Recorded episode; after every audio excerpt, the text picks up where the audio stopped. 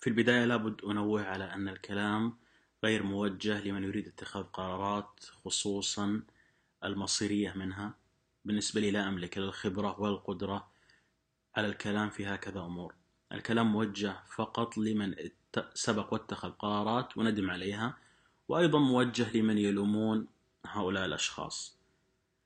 آه، طبعا كل إنسان لابد يتخذ قرارات في مختلف مراحل حياته وأيضا هناك قرارات أخرى تتخذ عليه والأخيرة بما أنها خارجة عن سيطرة الإنسان فلا مجال للندم عليها. لكن تتنوع آه، خيارات الإنسان في مختلف مراحل حياته. لذلك يضطر إلى اتخاذ قرارات من ضمنها العادية الروتينية والمصيرية. والإنسان اليوم طبعا هو ليس إلا نتائج الخيارات اللي اتخذها في مراحل سابقة. لكن للأسف كثير من الناس يندمون على القرارات اللي اتخذوها سابقا إذا تبين لهم أن نتائجها سلبية.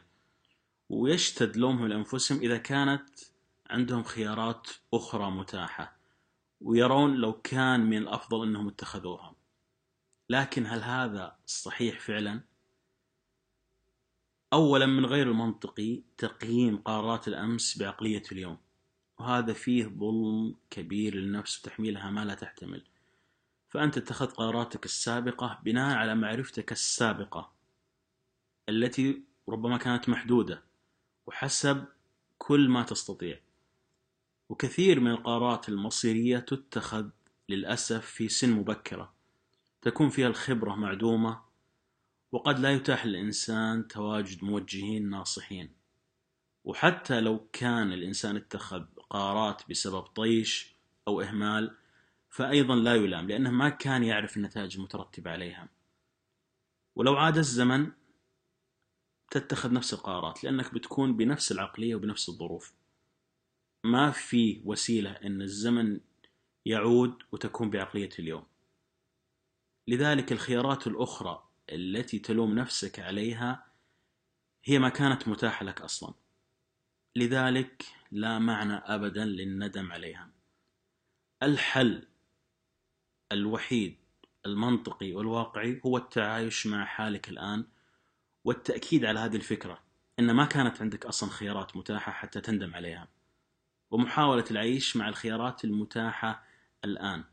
أما الندم على الخيارات الماضية؟ يعني هو مجرد حرق للأعصاب وبدون أي فائدة. وهذا للأسف طبيعي أنه راح يؤدي لضياع الأوقات الحالية وأيضا نتيجة لهذا راح يؤدي إلى ضياع أوقات مستقبلية لا قدر الله.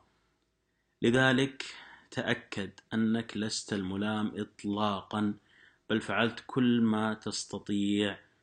لذلك لابد تسامح نفسك إذا كنت إلى الآن تلومها. وتتجاوز هذه المشاعر السلبية حتى لا تضيع أشياء مستقبلية.